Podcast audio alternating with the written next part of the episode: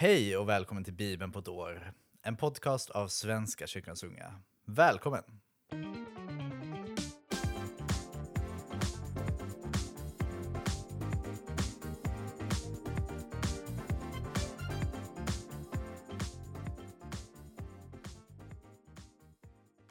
Nu och några avsnitt framåt så kommer jag och Matilda läsa tillsammans. Välkommen Matilda. Tack, Men vi börjar med att be. det gör vi.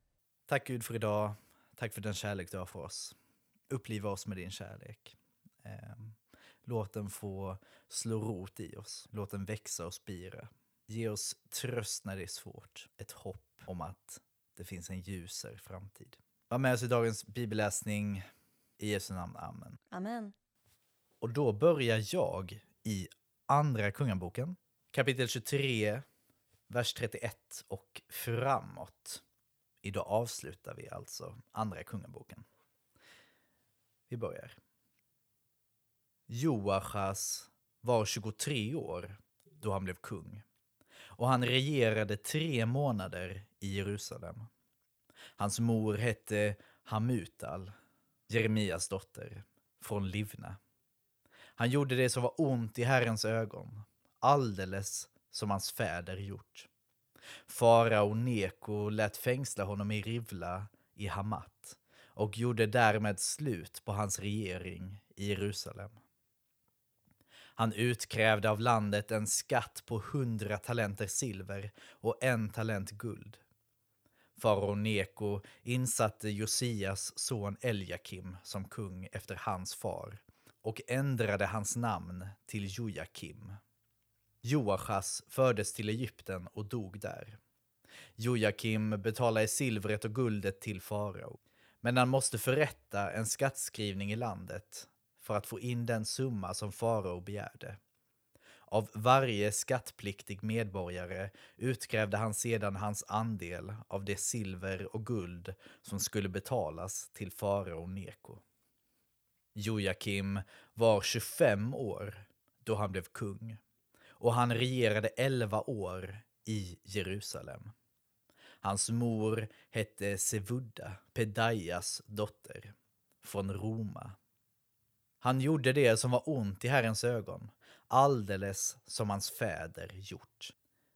På hans tid drog den babyloniske kungen Nebukadnessar i krig och Jojakim måste underkasta sig honom, men avföll efter tre år. Då sände Herren mot honom rövarband av kaldéer, arameer, moabiter och ammoniter. Han sände dem mot judarike för att krossa det, så som han hade förutsagt genom sina tjänare, profeterna. Ja, det var på Herrens befallning som detta drabbade judéerna. Han ville driva dem bort ur sin åsyn på grund av alla de synder Manasse hade begått.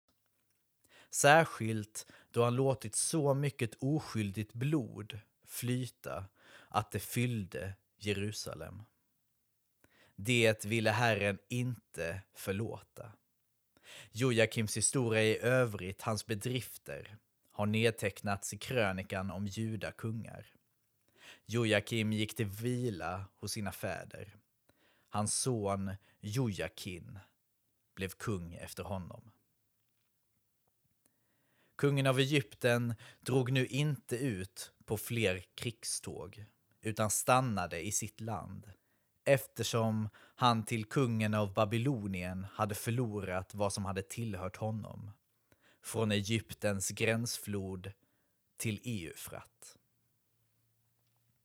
Jojakin var 18 år då han blev kung och han regerade tre månader i Jerusalem.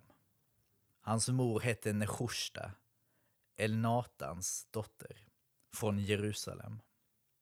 Han gjorde det som var ont i Herrens ögon, alldeles som hans far gjort.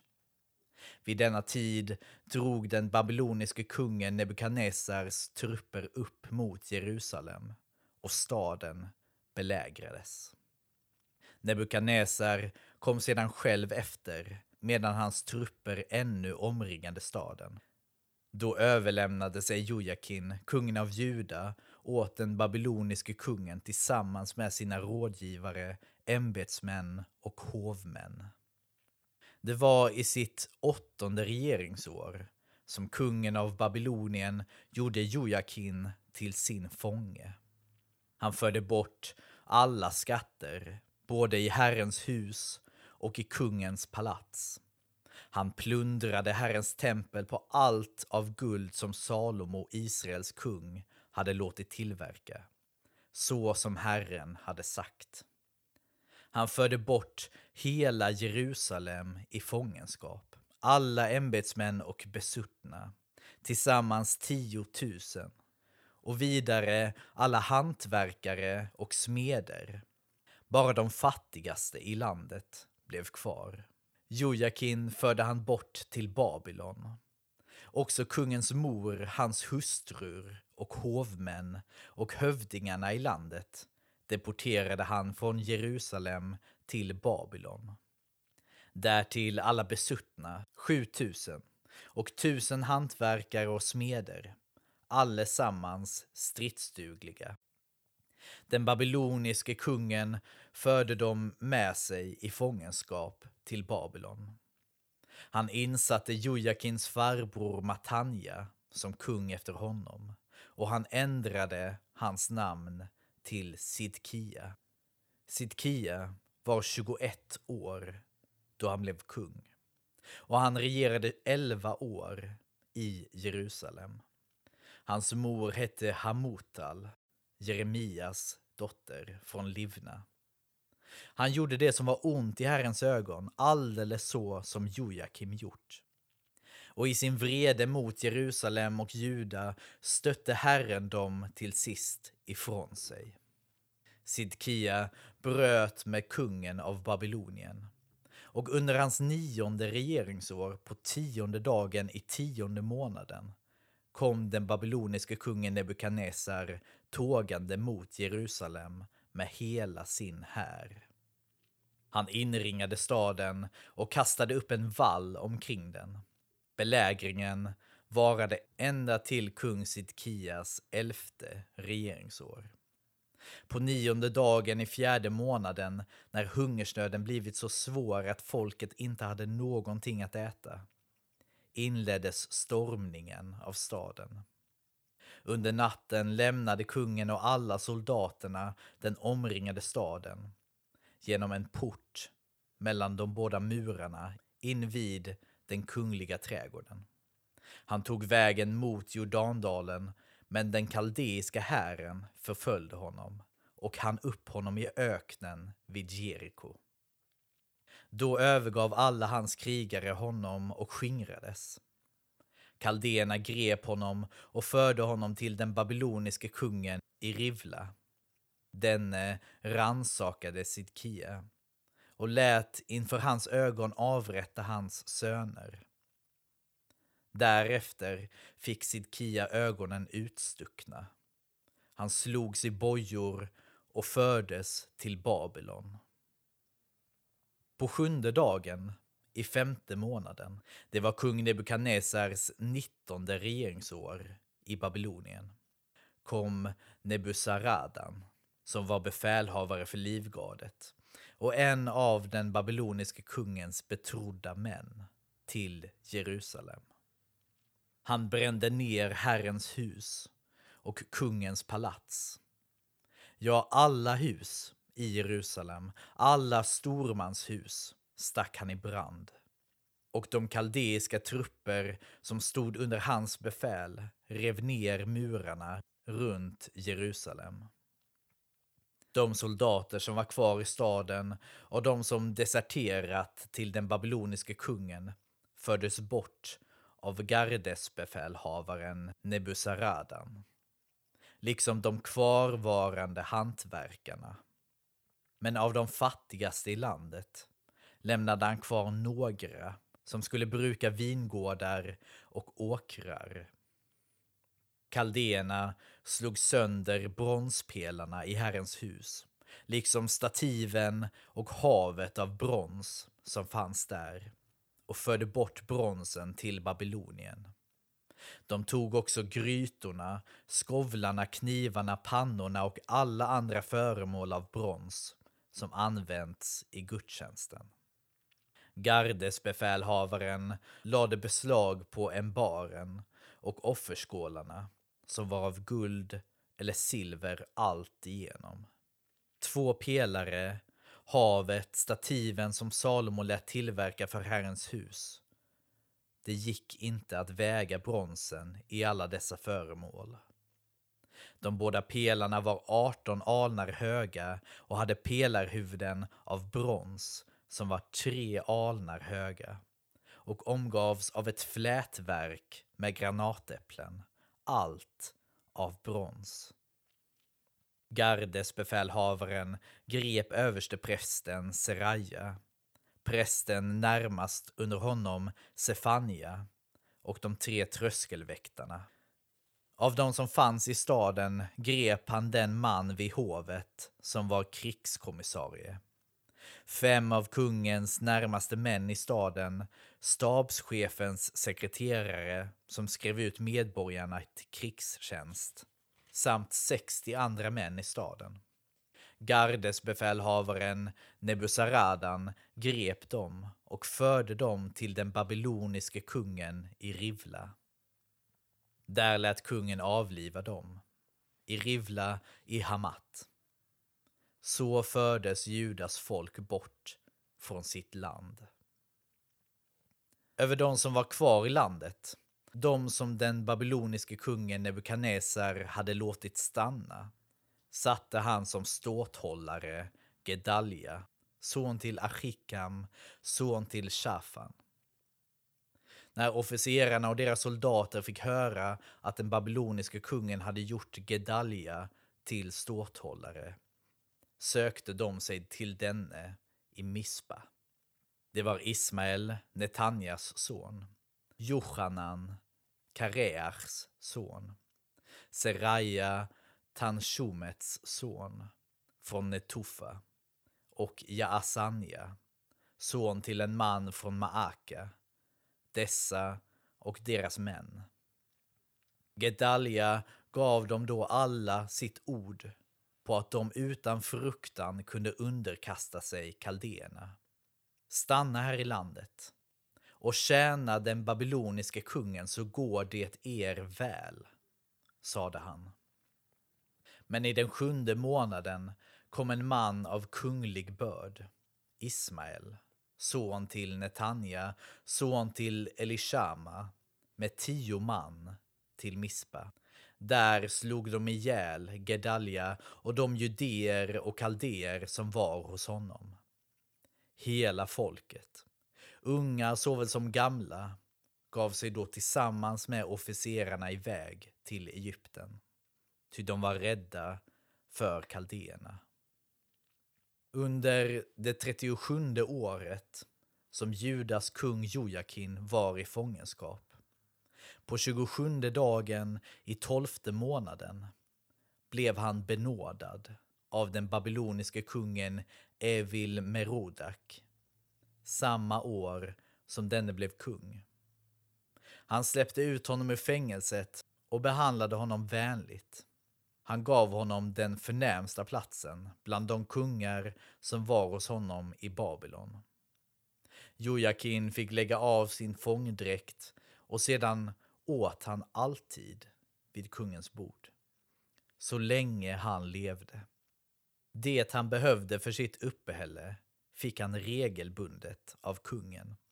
En viss tilldelning för varje dag, så länge han levde.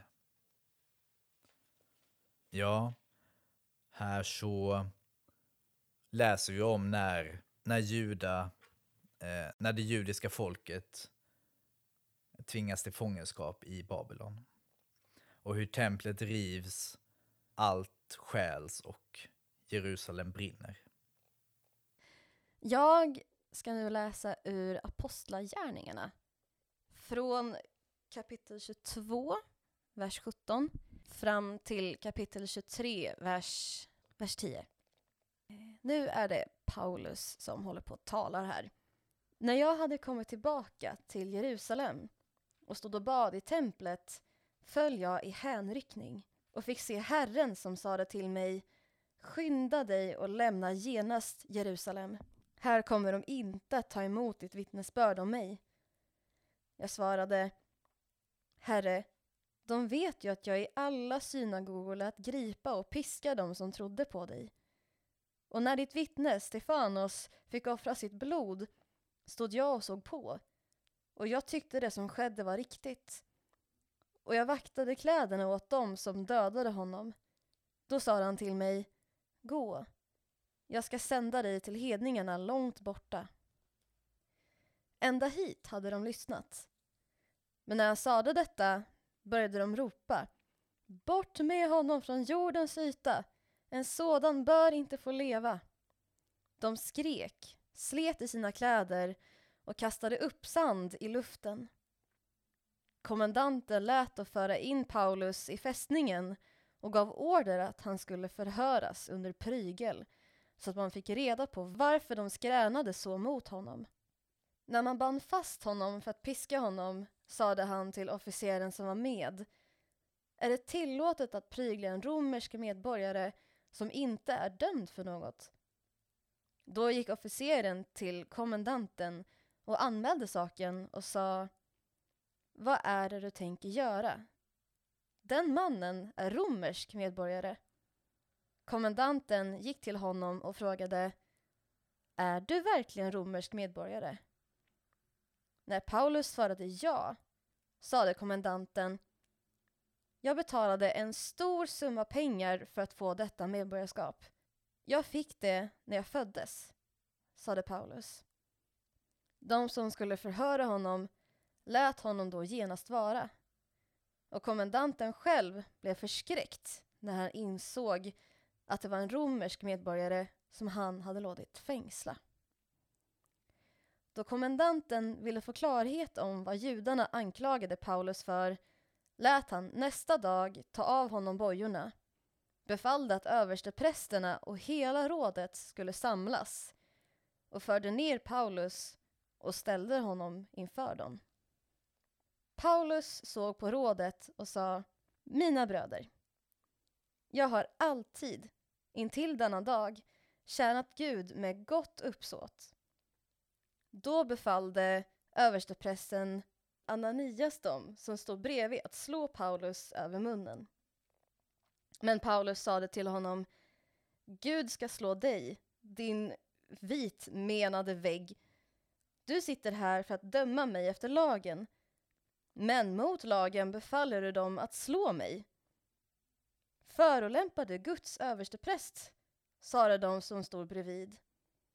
Paulus svarade, jag visste inte, bröder, att han var överstepräst. Det står ju skrivet, en ledare för ditt folk ska du inte förbanna. Eftersom Paulus visste att en del av dem var sadukeer och en annan del var fariseer höjde han rösten och sade till rådet Mina bröder, jag är farisee och mina fäder var fariseer. Det är för hoppet om de dödas uppståndelse som jag nu har ställts inför rätta. När han sade så utbröt ett gräl mellan fariseerna och saddukeerna och man delade sig i två läger. Saddukeerna menar nämligen att det inte finns någon uppståndelse och inte heller änglar eller andar. Medan fariseerna tror på allt detta. Det blev ett väldigt ropande och några skriftlärda som hörde till fariseernas parti reste sig och hävdade sin åsikt. Och de sa, vi kan inte finna att den här mannen har gjort något ont. Tänk om en ande har talat till honom, eller en ängel. Grälet blev så häftigt att kommendanten fruktade att de skulle sita Paulus i stycken. Och han kallade ner vaktstyrkan för att rädda honom undan dem och föra honom tillbaka till fästningen. Jag läser psalm 2. Varför är folken i uppror? Varför detta gagnlösa mummel? Jordens kungar reser sig och furstarna gaddar sig samman. mot Herren och hans mode. Vi sliter sönder deras band och kastar av oss deras bojor. Han som tronar i himlen ler. Herren ser på dem med löje. Nu talar han till dem i vrede, han skrämmer dem i sin harm. Jag har invigt min konung på Sion, mitt heliga berg. Jag vill berätta vad Herren bestämt. Han sade till mig, du är min son, jag har fött dig idag. Be mig, så ger jag dig folken som arv och hela jorden som egendom. Du ska krossa dem med en spira av järn, slå sönder dem som lerkärl. Konungar, besinna er. Ta varning, ni jordens härskare. Tjäna Herren i fruktan, hylla honom i bävan. Annars vredkas han och ni går under. Ty hans vrede kan lätt blossa upp. Lyckliga de som flyr till honom. Och vi avslutar med att läsa ur Ordspråksboken. Kapitel 18, vers 13. Att svara innan man lyssnat är en dårskap och en skam. Tack för att ni har lyssnat. Tack så mycket. Ha det fint. Vi Vi hörs i nästa avsnitt. i nästa avsnitt. Ja. Ha det fint. Hej då! Hej då! Sverige och sen 1993 Nu ska vi bli starkare om vi får be Nu ska vi fira, vi är 30 år, kyrkans unga. Har samlats för att sjunga. Nu ska vi fira, tiden har varit svår. Men tänk att vi är här